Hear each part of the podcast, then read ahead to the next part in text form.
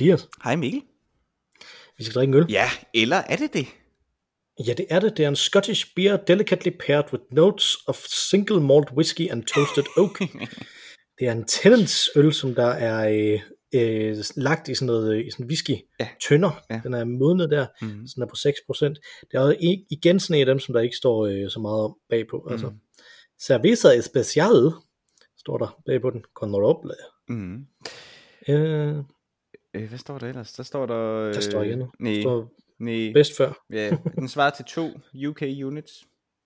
Har Ja, alkohol- står du ikke må drikke den, hvis du er gravid, så Ja.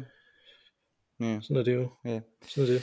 Så det bliver meget spændende. Den er meget, den ligner meget sådan en, øh, sådan en Millers eller sådan noget. Øh, ja. Er det ikke en, øh, er det ikke en gin? Nej, der er den der Millers øl. Den der sådan lidt lyse. Øh, Nå. Det er fordi, Øh. det er fordi jeg sad inde i mit hoved, der sad og tænkte, det ligner utrolig meget en, øh, en whisky. Så i det øjeblik, du sagde Mm. Millers, så tænkte jeg på din. Altså, jeg synes virkelig meget, det ligner en, øh, en, øh, en, øh, en whisky. ja, en whisky farve, jo, det kan jeg godt Ja, se. Det kan også ligne whiskyfarve. en kult shaker. Ja, det, det kunne det også, ja. ja. Eller Nej. øh, virkelig slem morgenruin. Altså, hvor- der er hvor- mange muligheder. Hvor du måske ikke har været på toilettet to dage i træk, eller sådan noget, så, øh, så ser det nok sådan ud. Eller hvis du nu har drukket meget af den her øl, så kan det være, at din urin kommer til at se sådan ud. Det kan være. Det kan være. Skal vi øh, åbne den? Ja, lad os det. Og vi pot glasset.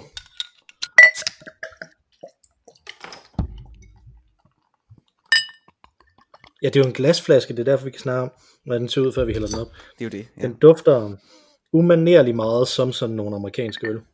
Gør ja. en Millers-agtig. Mm. Det er, øh, det er mange, mange år siden, jeg har.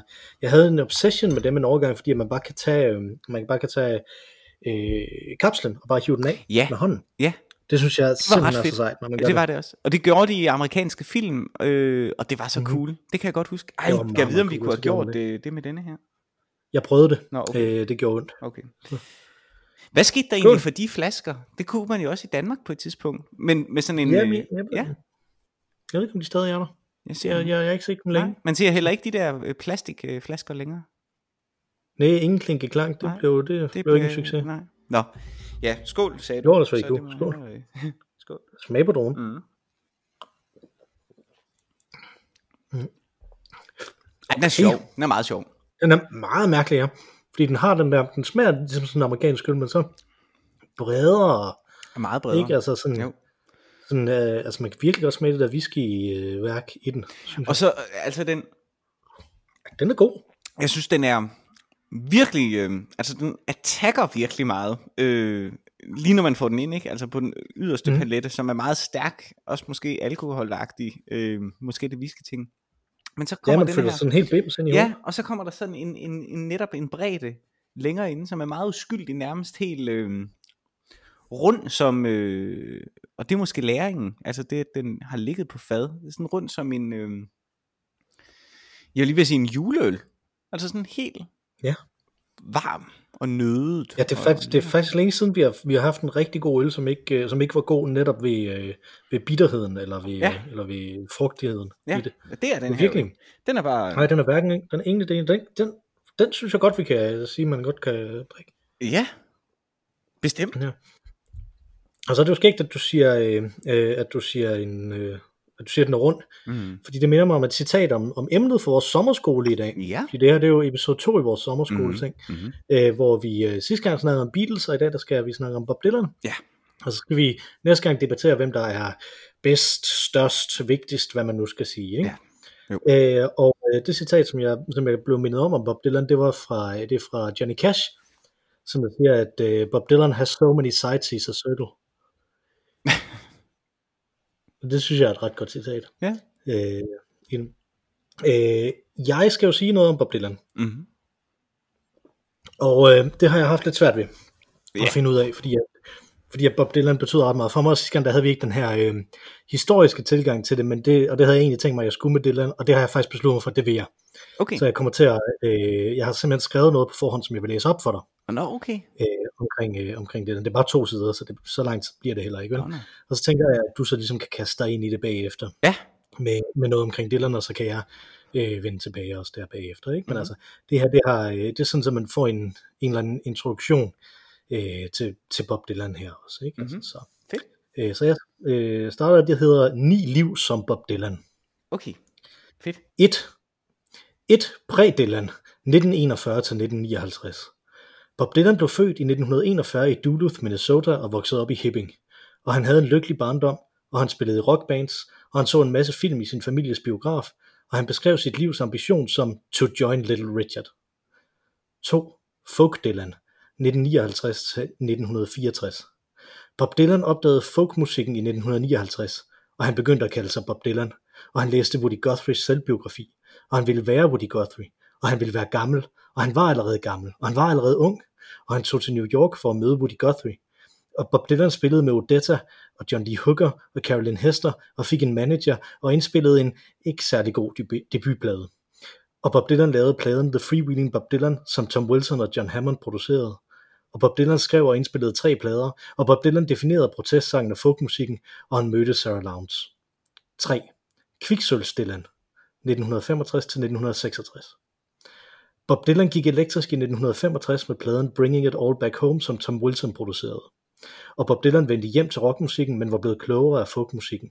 Og Bob Dylan gik efter en tynd lyd af kviksøl.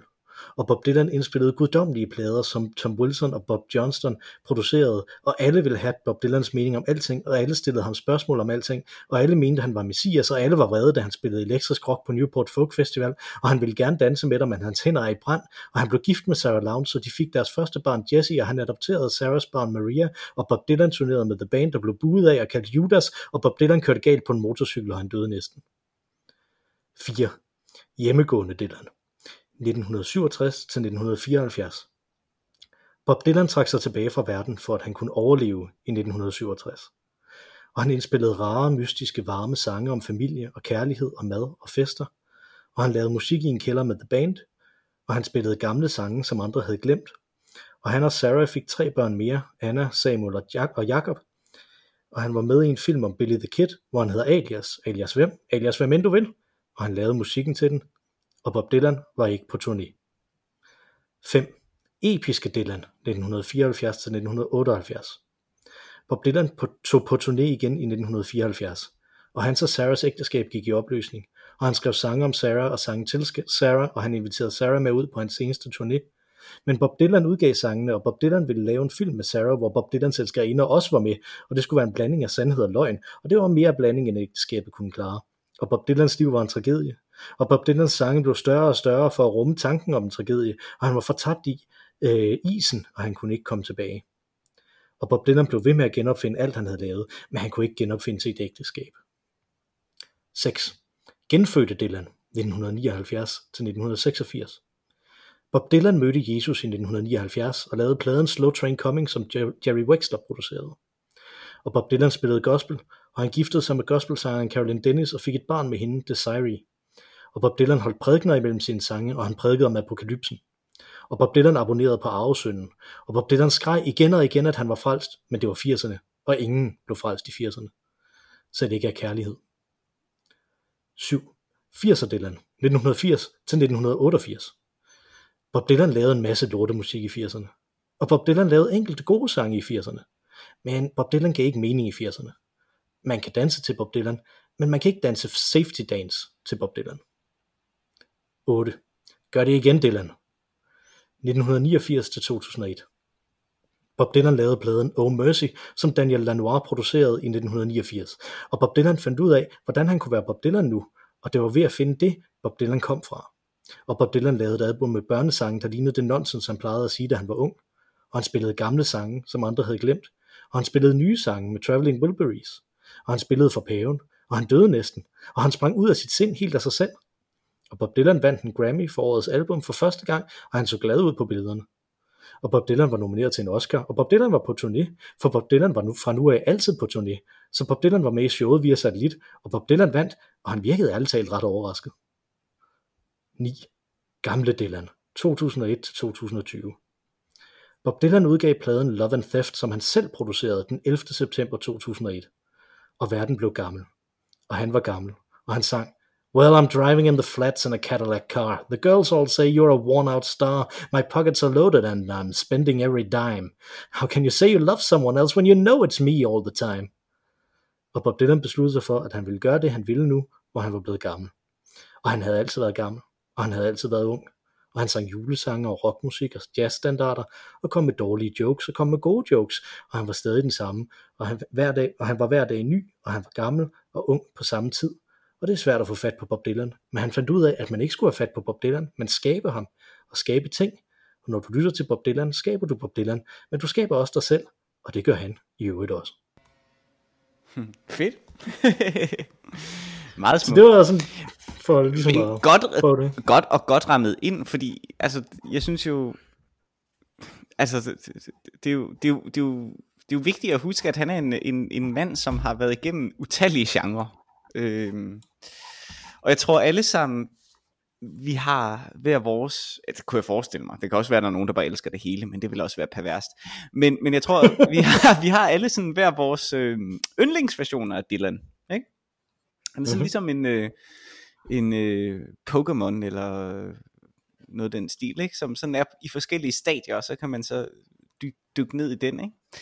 Øh, og det, det er ret cool, det vil jeg, det vil jeg sige. Øh, og på den måde, der, der, der har han det måske det eneste sted, hvor han faktisk minder lidt om The Beatles. Ikke at vi skal sammenligne nu her, men, men det er en virkelig ting, som jeg synes er, er, er fantastisk ved Bob Dylan. Det er denne her legesyge, som vi talte om i sidste uge. Den har Bob Dylan Mhm. sådan set også. Altså hele tiden lysten til at blive ved med at udfordre øh, sin, sin musikalske øh, sit musikalske fundament og hele tiden gå nye veje. Øh, det, det, øh, det er ret, øh, ret imponerende. Øh, og det har han været i stand til. Det er- Det er spændende at se, hvor længe han kan blive ved med det. Om han kan blive ved med det. Øh, eller om, om, om denne 9. Øh, det, det 9. liv er hans sidste. Det, det er et godt spørgsmål. Ja, altså det var lidt... Øh, ja, man, de snakker jo om det nu, ikke? Fordi der er jo lige kommet en plade øh, i år. Mm-hmm. Mm-hmm. Øh, og de, de diskuterer jo nu, om, det, om den plade hører sammen med det, der var før. Eller om det her Ja. det egentlig er begyndelsen på et nyt kapitel Okay. i det, ikke? Altså, Mhm. Fordi man Mhm. sådan vagt kan snakke om, at der er en, øh, der er en sammenhæng mellem Love and Theft, Modern Times, øh, Together Through Life og Tempest, som er de fire plader, der kom før, ikke? Mm-hmm. Der er nogle tematiske sammenhæng. Together Through Life stikker lidt ud. Men ellers, så, øh, så er der ligesom det, og så hvad, hvad er det her nye, ikke? Altså, så det Mhm. diskuterer de lige nu, de der folk, som diskuterer Bob Dylan online, ikke? Altså, Mhm. øh, og, og som der skriver om ham og, øh, og den slags. Så det er lidt spændende, om han ikke er med at, at genopfinde sig selv øh, i en alder af 79, ikke? Altså, Ja. Så. Men det skulle ikke undre mig, at han kunne. Nej, jeg synes, det der, det der er fascinerende, det er, at det her, det her album, som han, han så har lavet her i år, Mhm. mm-hmm. der måske har han lavet det sidste år, så det er udkommet her i år, ikke? Altså, det er, det er lige så godt, som ting, han lavede i 70'erne. Ja. Altså, Ja. Øh, man, jeg tror, det smager behag med 60'erne, ikke? fordi det er super svært at finde ud af, hvad der har været der. Ikke? Noget, noget af det er jo, er jo sourcet så meget ind i, hvilken indflydelse det havde Ja. på kulturen rundt Ja. omkring. Ikke? Ja. Men jeg synes, det, det, er, øh, det er ret fascinerende, at han, at han ligesom er kommet, at han ligesom er kommet tilbage, og det er lige så godt som, som dengang. Ikke? Altså, så, Mm. øh, som, som jeg læste i Rolling Stones anmeldelse af, af, det, nye, øh, af det nye album, så øh, har, det, han, har nu øh, slået Leonard Cohen af pinden, som den, der har lavet det bedste album som 79-årig. Hvor gammel var Johnny Cash, tænker jeg, da han lavede... Øh... Ej, han var sgu ikke så gammel. han, han var ikke så gammel, han døde tidligere, han tog alt det der heroin. Ja, Så, ja, ja. ja. øh, det var derfor, de døde alle sammen, ikke? Ja. Altså, fordi de har taget det der. Øh, de har taget det, den slags stoffer. Ja. Men det er interessant, og jeg vil sige, altså nu, nu vil jeg også lige, hvis, hvis, jeg, hvis jeg må sådan, øh, komme med, hvorfor jeg synes, han er fed. For jeg synes, det der var en Mm. interessant, og den, den, den, den led- leder mig på en masse tanker. Øh, også i forhold til, det sjove er, at mange af de ting, som jeg rigtig godt kan lide ved The Beatles, der er, er Bob Dylan modpolen, faktisk, Mm. synes jeg. Øh, men det, det sjove er, at det gør ikke, at jeg ikke kan lide ham. Tværtimod synes jeg faktisk, at det er Bob Dylans største styrker. Altså, for eksempel, sidst talte jeg jo om, at det jeg synes, en af grundene til Beatles var øh, så cool, som de var, det var, at de ikke lavede live-koncerter. Så det der var, var utroligt gennemarbejdet, virkelig, virkelig det, høj detaljegrad. Bob Dylan, for mig, er båret af autenticitet. han er båret af live-koncerter. Nogle af de pragtfuldeste optagelser, jeg kender af ham, er faktisk live optaget. Jeg har aldrig været til en koncert, øh, og, og, øh, og det, det har du jo, øh, og det er jo som vinden mm. blæser, ikke? og nogle gange er det også noget værd hø. Men, men uanset hvad, så har han en ekstrem autenticitet i sin, øh, både sin live-indspillinger, men egentlig også i sine almindelige albums. Den, hvad kan man kalde det, doven, øh, sloppy øh, holdning, han har til sin egen sange, som jeg mm. synes, han har i sin performance af dem, øh, er også bare ekstremt personlig, og, øh, og kan ikke øh, lave sig andre. Der er mange, der prøver. Der er virkelig mange, der prøver at synge som Bob Dylan og levere som Bob Dylan, men det er der ikke andre, der rigtig formår. Samme måde, som han spiller mundharmonika på. Det er også sloppy, det er tjusket. Det er ikke... Øh, det er ikke øh, øh, George Martin produceret det her. Det, er, det, er he- det kommer et helt andet sted fra. Og det gør det utrolig ærligt. Og det synes jeg er hans største styrke. For uden at han selvfølgelig til tider skriver, skriver pragtfuld øh, øh, lyrik. Øh, så hvis man bare taler om selve musikken, så er det netop den der øh, legesyge, at han bliver ved øh, med at, at afprøve øh, enkle melodier, synes jeg tit, øh, inden for, for forskellige genrer. Øh, og måske også en gang imellem med noget mix over mellem genrerne. Måske lærer han også lidt af det en gang imellem. Øh, mm. øh, af de forskellige ting og tager videre. Og så, så leverer han det bare sindssygt autentisk. Altid. Uanset om det er indspillet eller om det er en live øh, recording. Øh, og, og, og det er han helt unik til. Altså der er han nok den bedste øh, overhovedet øh, til det. Øh, Leonard Cohen var måske en, der kom derop i nærheden af øh, den der balancegang, men han havde bare så utrolig dårlig smag. Meget ofte. øh, og det har Bob Dylan ikke. Altså han kan levere det øh, på, på, på den der. Men jeg ved ikke, er du øh, støder det dig, jeg kalder det sloppyhed? Nej, nej, det er overhovedet ikke. Jo, altså, jeg, tror, jeg tror, det er upræcist at kalde det sloppy, men det kan vi snakke om lige om lidt. Men, men okay. jeg vil bare det her med, at øh, øh, det her med, at, øh, at han har dårlig smag, øh, Leonard Cohen, og det har Bob Dylan ikke. Der, der har jeg fundet sådan en samling af jokes, som Bob Dylan han har fortalt fra, øh, fra scenen. Øh, og der, jeg synes, den bedste, han har, som han fortæller i, i en øh, række forskellige... Øh, i en række forskellige ting, ikke? Altså, mm. det er, øh, øh det, det er øh, for eksempel den her, I wrote this song for my ex-wife, she was so self-obsessed, she, her name was Mimi. Øh, det er sjovt. Der er også den her, det er sjovt. Ja. Der er også den her, hvor han snakker om sin bassist, Tony, hvor han siger, øh, øh, Tony was here, der hvor de spiller, once before, he got a bicycle for his wife. Tony said it was a pretty good trade, didn't you, Tony? og, så, og så står der her øh, i, i noterne, det er sådan nogle, som fans har sendt ind, ikke? står der, at de, at de blev nødt til at stoppe i et par minutter, fordi I var ude med at grine om bassisten. Og, det er virkelig, virkelig fjollet. det er da sjovt. det er da meget det er, sjovt. Det er, det er meget, meget underligt. Ja, det er da øh, sjovt. ja. Så en her, en, øh, hvor, han, hvor han spiller, øh, hvor han spiller, og så finder han ud af, at, øh, øh at der var et, øh, at der var et, nogen, som der var på deres bryllupsrejse, som der var på hotellet, hvor han også var, siger han, at han ville dedikere den næste sang til dem, og så spiller han Ain't Gonna Go to Hell for Nobody. så, altså han har sådan lidt, øh, Altså, han spillede i Belo Horizonte, og så siger han, Does Harry Belafonte come from around here? He ought to, it rhymes. altså, altså, han er virkelig, virkelig dad joke typen, ikke? Altså, jeg, jeg, jeg, synes, det er det, som der også ligger i det, ikke? Altså, alt, der er ikke noget som helst af det her, som der, som, altså, det er jo ikke noget, som man vil sætte sig ned og så konstruere sådan en joke, vel? Altså, det er ikke, der er ikke sådan en stand-up komiker, som du sætter sig ned og nu, åh, oh, nu bruger jeg en uge på at prøve at lave den her, vel? Altså, George Martin er stand, for, for stand-up komiker vil ikke Nej. Det var godt, men, men det er nemlig i øjeblikket, og jeg ja. tror, det er det, som du, som du kommer på, når du siger det her med autenticitet. Ikke? Jo, det er det helt øh, jeg, tror, jeg tror måske fra hans synspunkt, er det mere et spørgsmål om kontingens. Mm-hmm. Altså, øh, øh, at, man er, at man er fanget på et bestemt tidspunkt.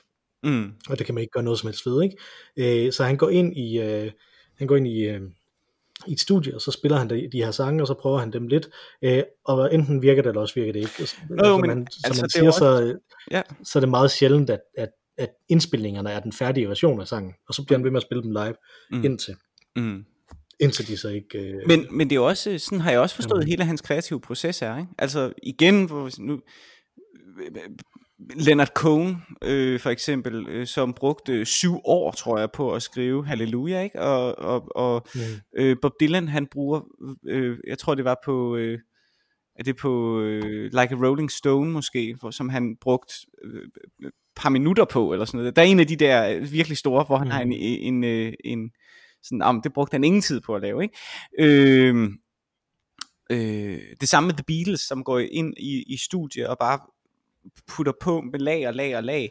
Fornemmelsen er også i den kreative øh, proces, at øh, der er noget mm, fanden i voldskhed. Altså det, der, er noget, der er noget beatpoet over ham. I, uden at være beatpoet, men i, i den der tilgang til den kreative proces. Øh, at man bare leverer, det kommer et eller andet andet sted fra, eller sådan noget. Øh, uden at jeg, jeg kender hans, øh, hans æstetik, hans øh, øh, øh øh, hvad hedder sådan noget, kreative processer særlig, særlig øh, godt, så virker øh, resultatet i hvert fald sådan. Og det minder mig lidt om, om noget, Lars von Trier engang sagde, da han lavede Rige, da han besluttede sig for på forhånd at gøre det sådan. Altså, han sagde, at han ville lave en film med venstre hånd. Fordi hvis man gjorde det, øh, så pludselig så kunne du begynde at, øh, at, at jagtage det finurlige ved din håndskrift igen. Øh, og derved sætte mere pris på det. I modsætning til, hvis du sad og lavede det med højre hånd hele tiden, og din håndskrift var sådan sirlig og så fin, så, så, var, den, så var du øh, øh, grown accustomed to it. Du havde vendet dig til den, ikke? Men, men, men at du laver noget med venstre hånd er rigtig dejligt en gang imellem. Og det er, igen, det kan være, det lyder negativt, men det er faktisk positivt ment. Altså, der, der er en tillid til serendipiteten i den kreative proces, ved at tillade sig at være sloppy, være laissez-faire, være lidt øh, fanden i voldsk i den måde, man leverer på. Øh, Ja. og det, Ja, nemlig, jeg tror, det er centralt for ham på alle mulige måder, ikke? Altså, han, han Mhm. blaffede fra Hibbing til New York med Mhm. 10 dollars på London, ikke? Altså, Ja. og havde ingen steder at bo og sov bare hos folk. Altså, det første, første koncert, han spillede i New York, der stillede han sig op på scenen, spillede en sang, og så sagde han, er der nogen, der ved, hvor man kan sove henne? Øh, så, så det, altså det er, det er ja, jeg tror, den, den er ret tæt på, hvordan han er også. Ja. Ja. Men det er også bare det her, det her ikke? Altså, han, øh, han øh, har jo skrevet to bøger, Mhm. øh, og, øh, og der tror jeg, han har sådan lidt, han, han har han har snakket om, at han ikke rigtig gider at skrive bøger, han vil hellere skrive sange, ikke? Mm. Og det tror jeg ligger også i det der med, at, at du kan skrive en sang, mens du sidder ned, og så inden du rejser dig op, kan du have skrevet den færdig, ikke? mm, Øh, at formen er simpelthen så kort, mm, så kan man så arbejde videre bagefter, man vil det, ikke? men man kan få den færdig. Ja. Og jeg tror, det er det, ikke? Altså, jamen, hvor godt blev det nu, så prøver jeg at gøre det sådan her, ikke? Ja. På den og den, øh, på den og den måde. Men man kan også sige, det er også det, der lidt er, altså, det er det, der er lidt af det interessante, hvordan han arbejder med det hele vejen igennem. Altså nogle af hans, øh, specielt nogle af hans tidlige sange, der, øh, der lyder de ret ens i melodierne, øh, hvor det virker lidt som om, at han prøver at lave dem igen, ikke? Altså, mm, øh, fordi at, at okay, men hvad, hvad kan jeg gøre med den her melodi? Kan jeg gøre noget andet med den her, ikke? Altså, Ja. øh, var det egentlig det rigtige, altså den tekst til den melodi her, ikke? Altså, mm, eller, eller hvad skulle jeg gøre? Og den, er, og den bliver så ligesom bare, den muterer over til, at det er andre måder at spille sangene på live, som jeg tror kommer af, at han, at han begynder at spille elektrisk, ikke? Fordi at, at der, der omarbejder han jo sange, som han, som han skriver akustisk, og også nogle, mm. Han indspiller akustisk Mm. mm. til så at være elektrisk. Og så går det op for ham, det han kan arbejde videre på, dem- på den måde i stedet for, så bliver der meget mindre af det der med at genbruge Ja. øh, ting til, mellem de forskellige øh, sange.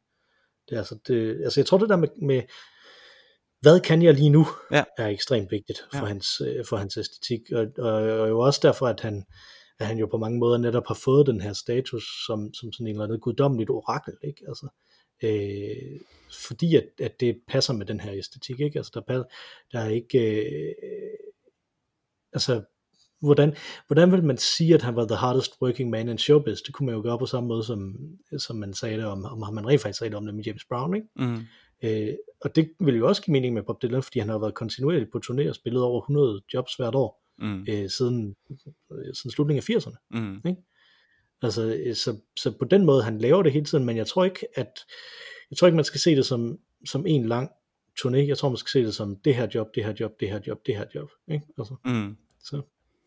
Jeg tror, det er sådan, han ser det hele, mm, sådan set. Ikke? Altså, jeg tror ikke, han har det der.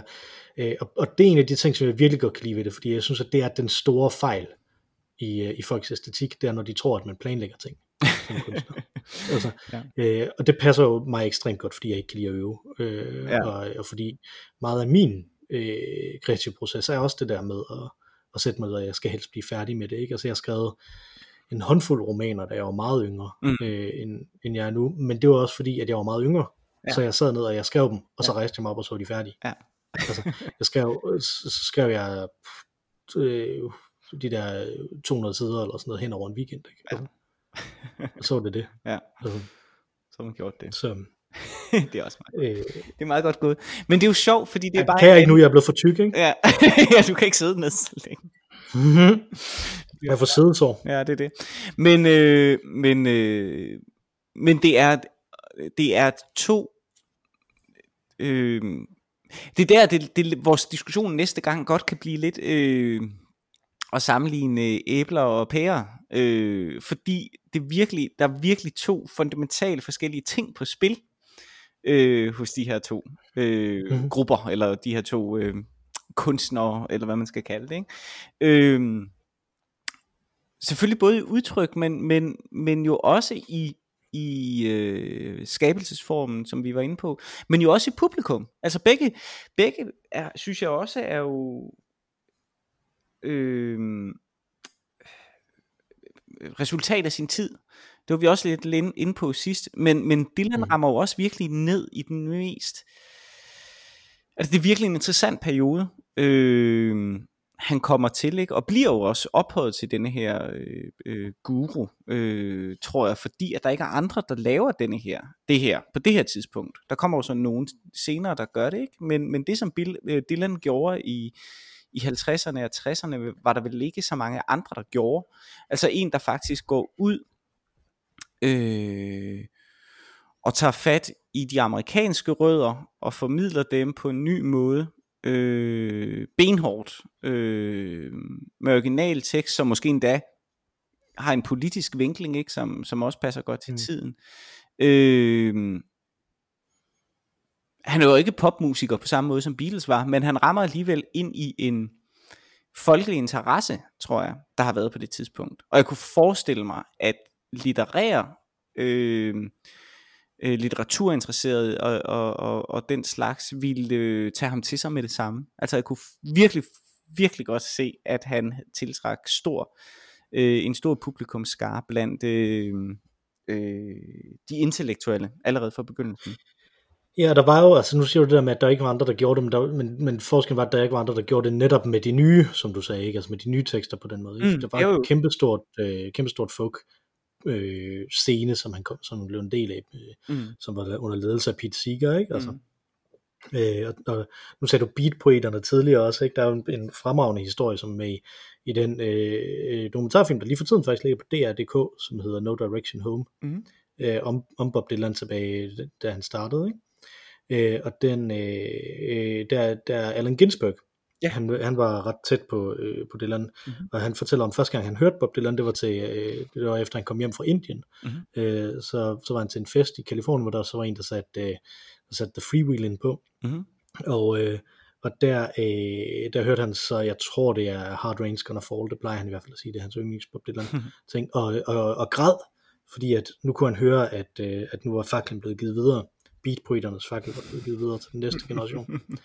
øh, og det tror jeg langt den vejen er meget rigtigt, ikke? Altså, øh, at, at, at meget af det, som, som Dylan han, han trækker på, er meget af det samme der også. Altså han har også eksplicit selv sagt, at han er meget inspireret af Kerouac, og han har ja. også arbejdet sammen med Ginsberg en del ja. også. Sådan noget, ikke? Så, øh, så, så jeg tror, altså Dylan skriver så meget ind i en litterær amerikansk tradition, på samme måde som man skriver sig ind i en musisk amerikansk tradition. Ikke? Ja. Øh, og jeg tror måske også, det er det, der kan støde nogen lidt fra Dylan indimellem, det er, at han er ekstremt amerikansk øh, på, på så mange måder. Ja, fordi jeg skulle lige, det skulle jeg lige til at sige, og det er måske også mest til næste gang, fordi det er egentlig et kritikpunkt som sådan, men mere for mig i hvert fald faktum, øh, at det, det er svært at se, hvad det er, udover at man kan blive bjergtaget af en god sang, eller om man kan blive bjergtaget af, af god lyrik mm. generelt, men det er svært at se dens relevans til mig. Og jeg synes, øh, ligesom Beatles virkelig har en engelsk lyd, og engelsk musik lige siden har en Beatles lyd, øh, så, har, øh, så er det det samme med Dylan. Altså det er virkelig amerikansk. Og du kan høre, ja. du kan høre øh, altså de der gamle øh, øh, græs, øh, eller hvad hedder det? det hedder blues, hedder det. Øh, øh, øh, lyde i de, i de tidlige 50'er og 60'er ting og sådan noget, ikke? som jeg har lyttet en hel del til i løbet af den her uge. Øh, du kan virkelig høre sådan noget. Har du har lavet research? Ja, ja, jeg har lavet research, jeg har, og, og jeg har også, jeg sidder, jeg har ingen bukser på, øh, fordi jeg tænkte, det kunne jeg så jeg er virkelig velforberedt den her. du, du har gjort alle de rigtige ting. Ja, lige præcis. øh, men, øh, ej, og det, og det synes jeg, det kan man høre meget, meget tydeligt, men, og derfor tror jeg også, at han er så vigtig for amerikanerne på det tidspunkt, ligesom at øh, alle de her øh, beatpoeter er ærke-amerikanske, ikke? Øh, og det er svært at se det komme et andet sted fra. Men han adskiller sig, tror jeg, virkelig fra europæere ved, at vi måske ikke har haft det samme behov for den musiker, der går ind og definerer den amerikanske ånd. Det, det er ikke noget, vi har haft øh, som et behov, særligt behov på det tidspunkt øh, tror jeg. Så jeg tror kun, han kunne opstå i USA på netop det tidspunkt. Øh, ja. Ja, det er, godt, det, er, det er jo et, det er ret skægt. Det er rigtig, rigtig godt set, tror jeg. Fordi det er svært at forestille sig, hvem det skulle være i Danmark, ikke? Altså. Ja.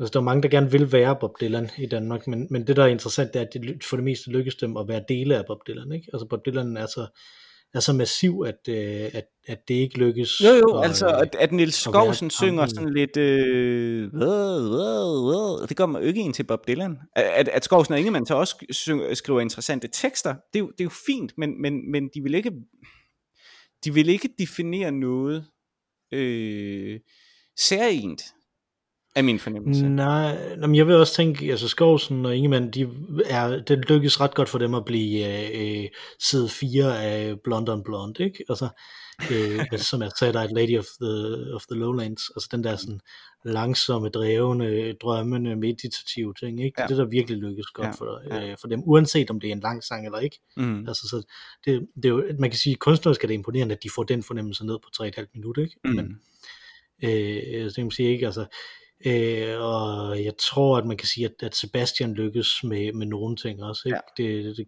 det, men, men jo ikke. Det der, der er jo ingen, der kan være... Ja, Sevi Jørgensen også med nogle ting, ikke? Altså, øh, som jo deler guitarist med Dylan, det er jo meget spændende også.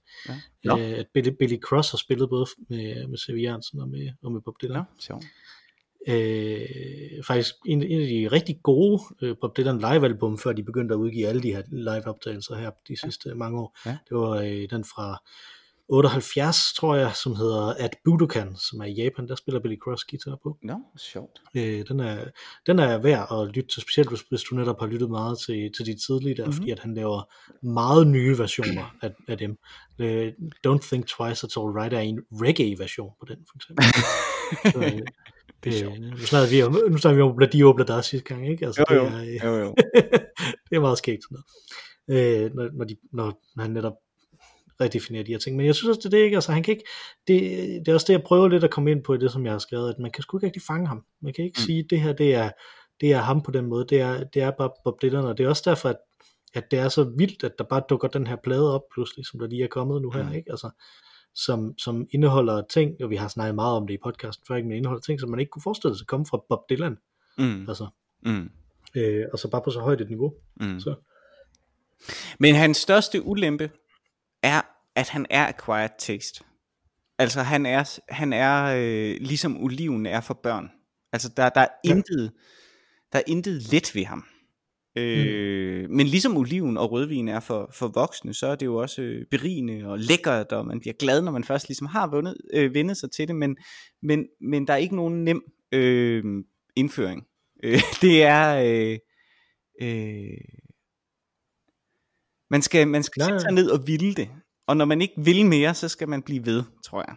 Øh... Jeg tror, man, ja, måske, eller også skal man gøre det ligesom med Bob Dylan, ikke? Altså, øh, han, enten kan han, eller også kan han ikke. Sæt det på ind imellem. Hvis, hvis det ikke er nu, så er det ikke nu. Altså, ja. øh, sådan er der jo nogle også meget store Dylan aficionados. Jeg har også lavet research, så jeg har hørt nogle podcasts også. Mm-hmm. Sådan nogle. Øh, nu her ikke, altså der er en, en der hedder Pod Dylan, som er øh, ret ret god. Mm-hmm. Øh, og der øh, snakker de nemlig om, om de her Frank Sinatra-album, som han har lavet de sidste mange år, mm-hmm. hvor han har lavet sådan cover øh, udgaver af Frank ja. Sinatra-sange, hvilket er, er absurd på alle mulige måder. Ja, det er det virkelig. Øh, og der siger de også, øh, they, they'll be there when I'm ready for them, siger de så. folk, var totalt Okay. Dylan fans, ikke? Altså, Okay, det okay, kommer de ja. tilbage til på et eller andet tidspunkt, ikke? Og jeg tror måske, at den er meget god, ikke? Ja. Jeg har det jo selv med, øh, med et af hans allerbedste albums overhovedet fra 97, uh, Time Out of Mind. Mhm.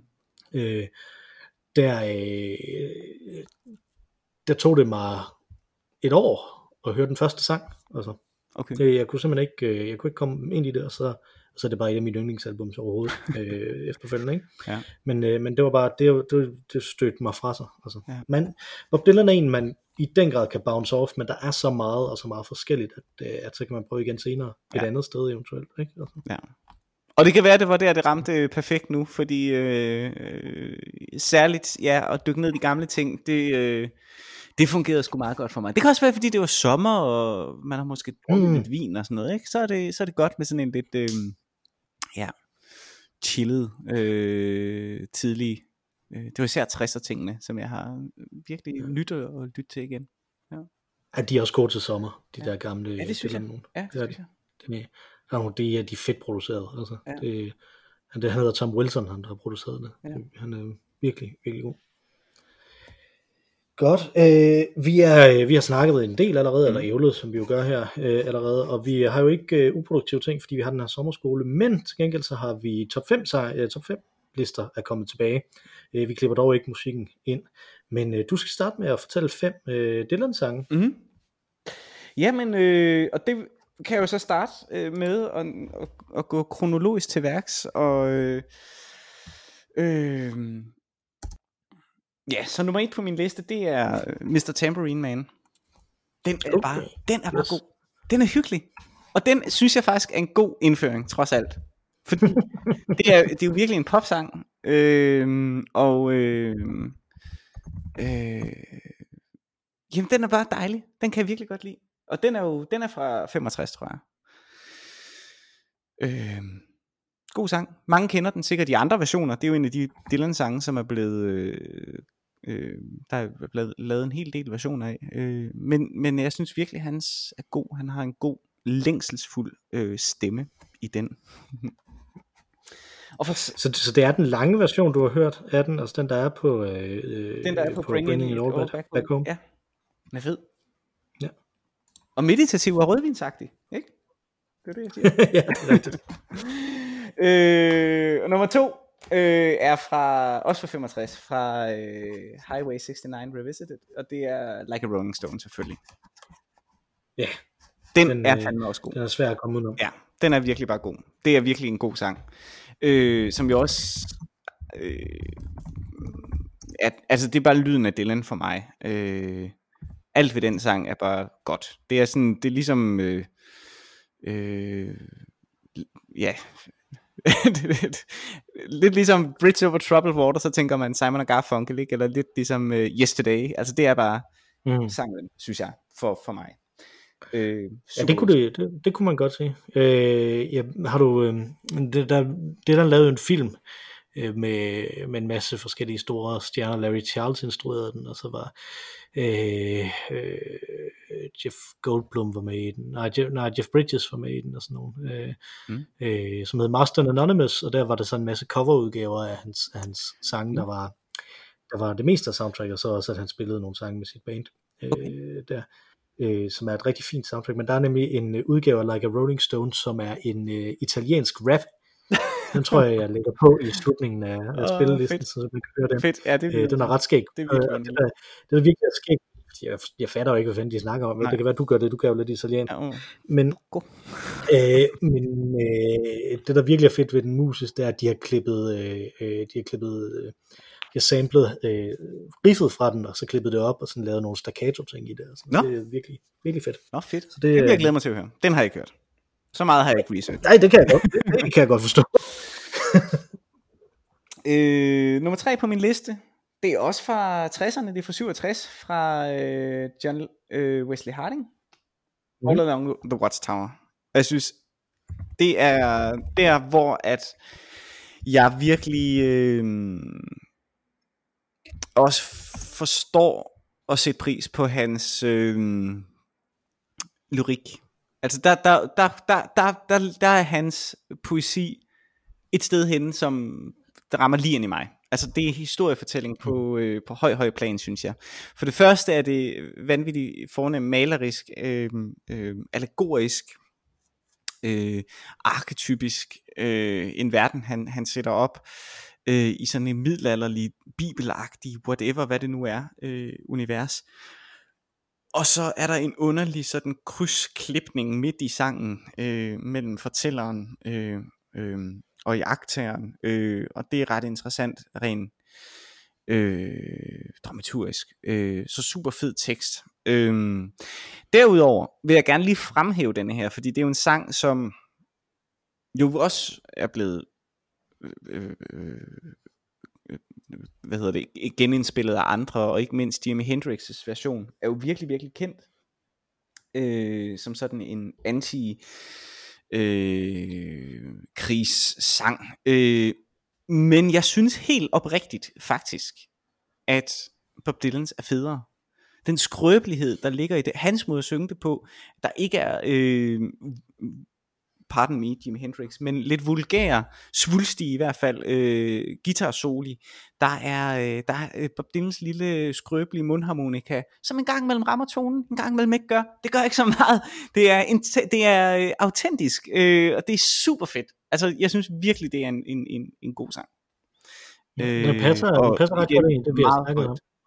Ja, ja, det synes jeg. Det den, synes jeg, den gør. Den passer rigtig godt ind i det, nemlig fordi, at, at, at den kommer fra det der John Wesley Harding album, som er virkelig, virkelig godt. Hvis man ikke har hørt det eller andet, så er det faktisk også et godt sted at starte. Ja. Øh, og det øh, er lavet samtidig med, at han, at, han i, at han var nede i en kælder sammen med The Band, der lavede musik, ikke? Altså, så, mm. så der lavede han en masse forskellige sange og sådan noget, og så og skriver han så ved siden af 12 sange, som han ikke spiller med dem, men som han så tager hen og indspiller det her album på tre dage øh, så i sådan eftermiddag endda, ikke? Altså, det er så, så ud med det.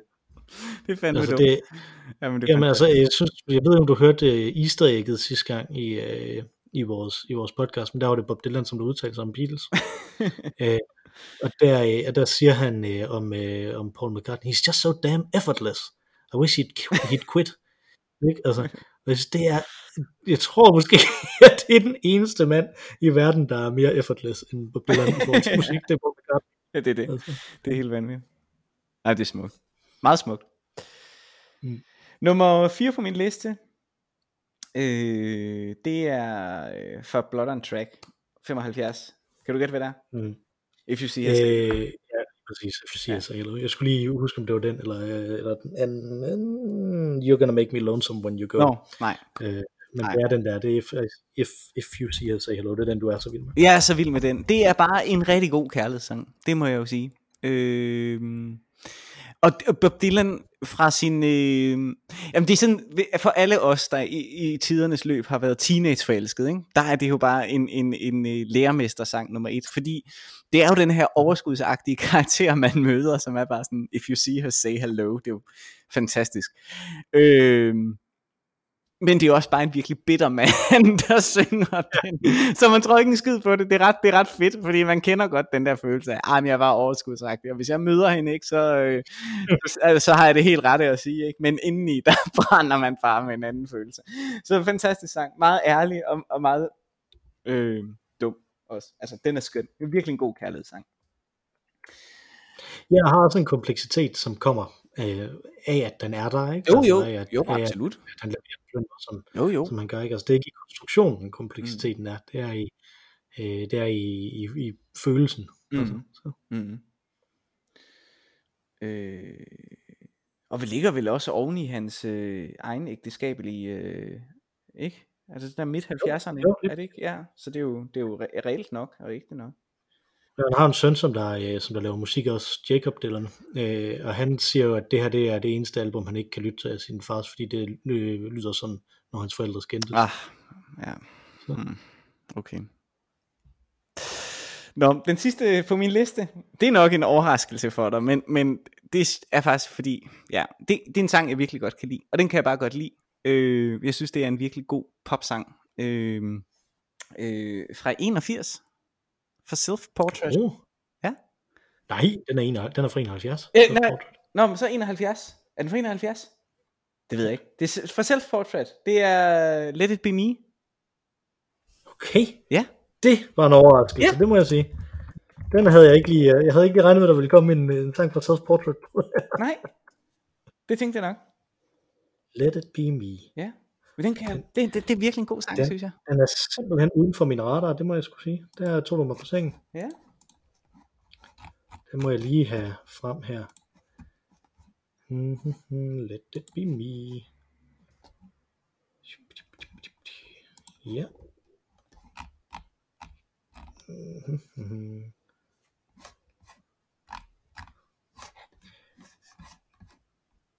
Ja. Det er fordi, at den, han har kun spillet den live i 81, det er derfor, du har det. Nå, okay, så det er... Det er jo faktisk, øh, det, det er jo ikke en Bob Dylan sang, det er en, øh, det er et covernummer. Ja, men han er altså krediteret, han er krediteret for den inde på sin egen officielle Bob Dylan official hjemmeside. Der står, øh, hvis jeg er inde på hans officielle Bob Dylan hjemmeside, der står det, written by M. Curtis P. Delano and G. Biko. okay, men så har han kun lavet fire gode sange.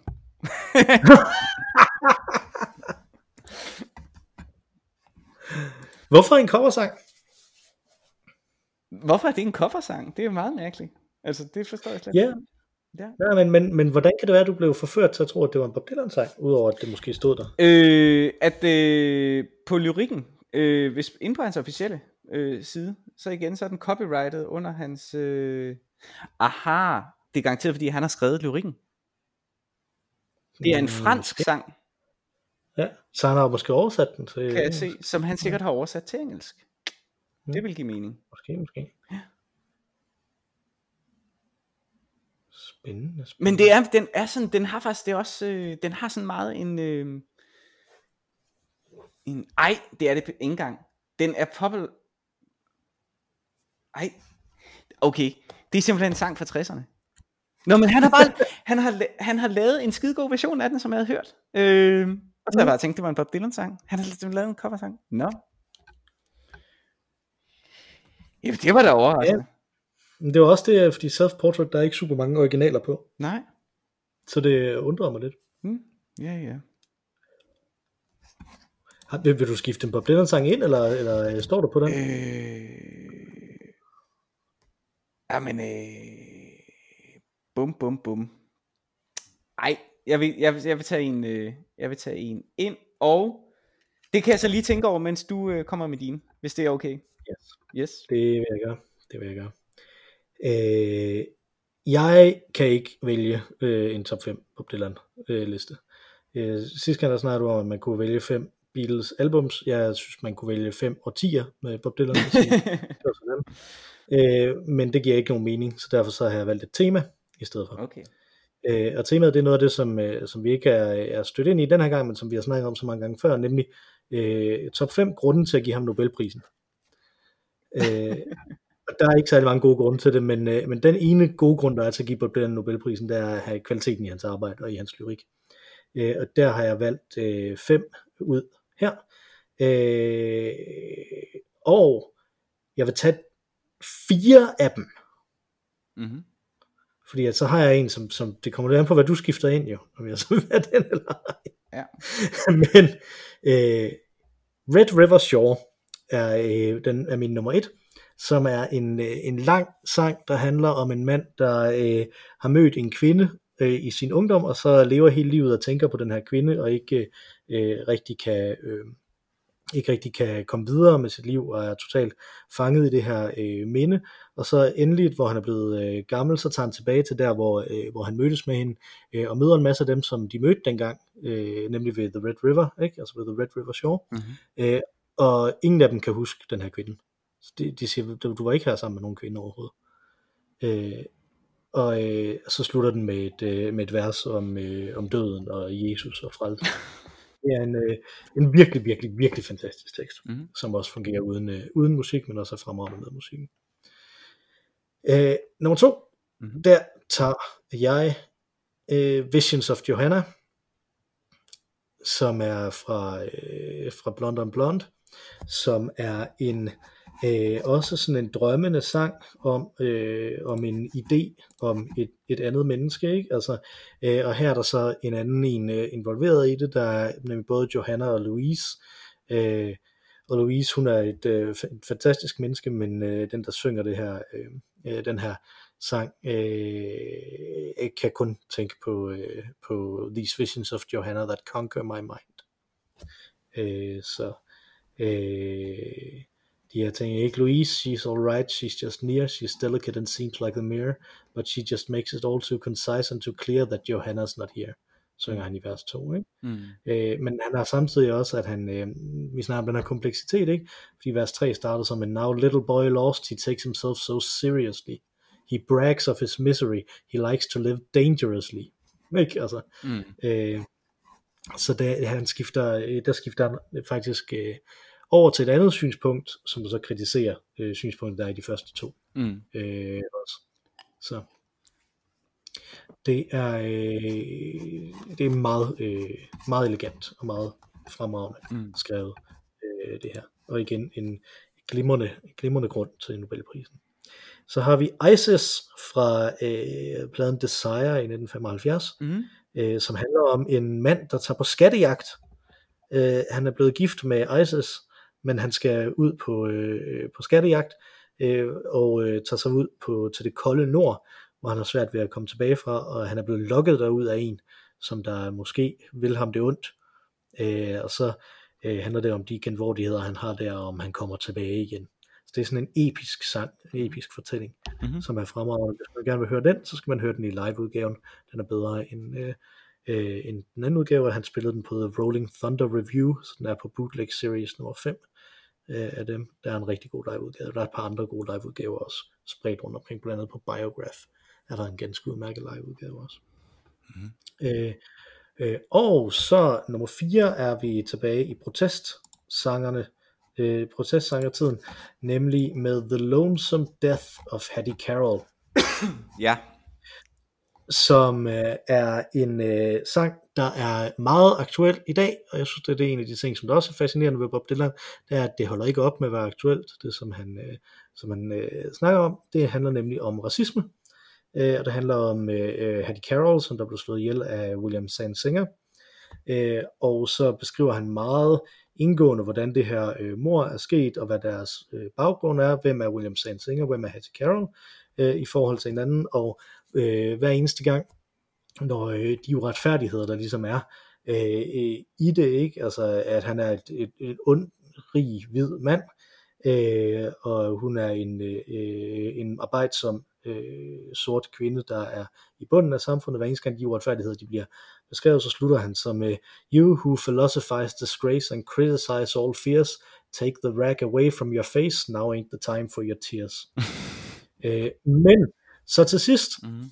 så bliver han jo så dømt for det her mor, William Singer, øh, og han bliver skældt rigtig meget ud øh, af, af den her øh, øh, dommer, der er der, som der bliver beskrevet som en meget alvorlig mand, øh, og så får han 6 måneders fængsel for at have myrdet den her øh, kvinde. Ikke? Mm. Og så skriver han, you, så synger han, Oh you who philosophize disgrace and criticize all fears, bury the rack deep in your face, for now it's the time for your tears. Mm.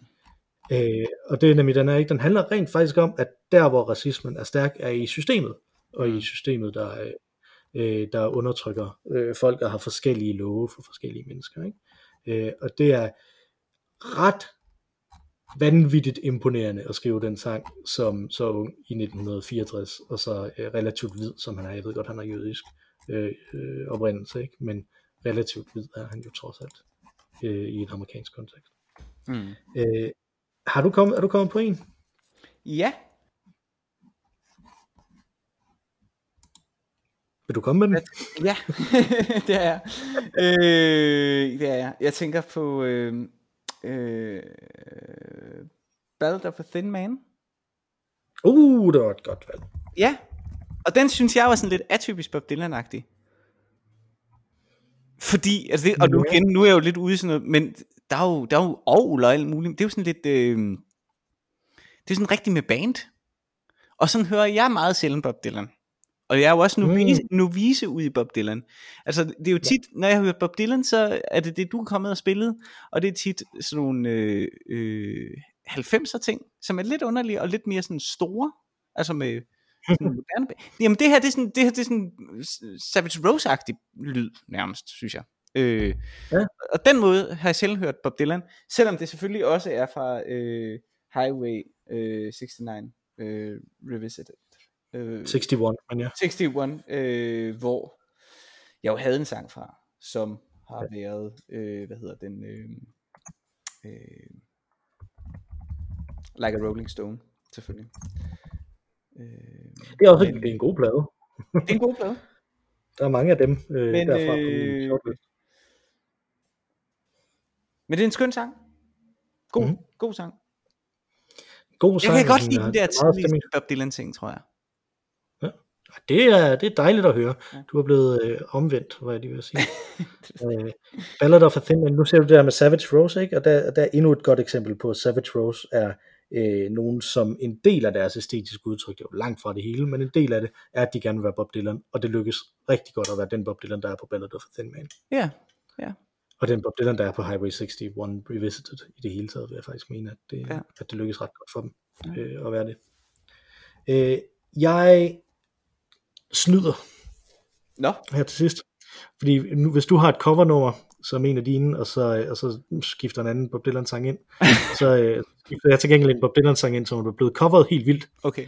Øh, fordi jeg synes simpelthen ikke, vi kan have den her liste uden at have pangdangen til Yesterday, øh, nemlig Blowing in the Wind. Nå, ja, øh, okay. Ja, det er rigtigt. Fordi at den, øh, den på samme måde som Yesterday er en, er en sang, som, som man tror, man kender, og som man kan komme tilbage til igen ja, og igen, ja, og som er, det er og som er evig og, øh, og vidunderlig. Og som i øvrigt har den formodentlig har tjent ham rigtig mange af hans mange, mange penge også. Øh, og den øh, grund til, at jeg ikke øh, vil have den med, det var fordi, jeg tænkte, du måske havde den med. Nej, øh, ja, det men nu er, nu er den med. Og så har jeg så også den her, som, er, som var den, jeg også ville have med.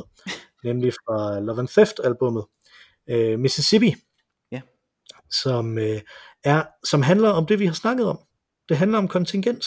Mm. Det er en øh, sang, som der, øh, som der simpelthen øh, omkvædet, eller hvad skal man sige, den, som, den ting, som man øh, øh, synger igen og igen, det er øh, I stayed in Mississippi a day too long.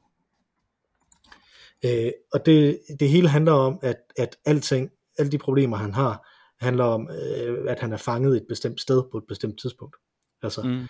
øh, han, den starter med, Every step of the way we walk the line, your days are numbered, so are mine. Mm. Time is piling up, we struggle and we scrape, we're all boxed in, nowhere to escape. Øh, den er helt vanvittig god, den her øh, sang, i forhold til at fange lige præcis den her fornemmelse. Og hvad vil det så betyde? Fordi at, at, at vi kan godt huske andre tidspunkter også, selvom vi kontingenter er fanget et bestemt tid og et bestemt sted, ikke? I også thinking about the things that Rosie said, I was dreaming I was sleeping in Rosie's bed. Ikke? Altså, at, der, øh, at han kører frem og tilbage med de her, øh, med de her ting. Mm. Det er også en af de øh, få Bob Dylan sange, som der er blevet coveret en del, men aldrig dårligt. Ja. Der er nærmest ikke nogen dårlige udgaver af den her øh, sang. Der, jeg har hørt den første gang i en coverversion af Sheryl Crow af ja. alle, ja. Øh, og den er faktisk rigtig god. Så, men øh, øh, versionen på Love and Theft er, er den bedste. Men jeg synes, den var vigtig at få med, specielt fordi den ramte det, som vi har snakket om også. Mm. Så så der var de fem. Mm-hmm. Som var seks fra hver af os. ja. Fair nok. Men det er også okay, fordi du havde hele Beatles medledet sidst. Ja, det var det. Det var det jo. Ja. Sådan er det. Har du fået drukket din øl med Ja, det har jeg. Det var godt. Den er ikke hældt ud nogen steder den her gang. Nej, og nu er der ingen bukser på, men... Uh... Det, det er aldrig spildt at tage bukserne af. Nej, det er rigtigt. Vi øh, hedder Øl og Ævel. Man kan skrive til os på olugavl.gmail.com. Det er sidste chance nu, hvis man vil have pointer ind inden vores store debatafsnit næste uge i sommerskolen, hvor vi afslutter det her skolastiske eksperiment. Øh, man kan skrive som sagt på olugavl.gmail.com eller tweete til os på snabelag olugavl. Øh, vi blev sunget ind af Mara Rainey, før der var Beatles, før der var Dylan, var det hende, der var der, og nu vil hun synge os ud igen. Tak for denne gang, Mathias, og take it away, Marie. Tak for den gang, Mikkel.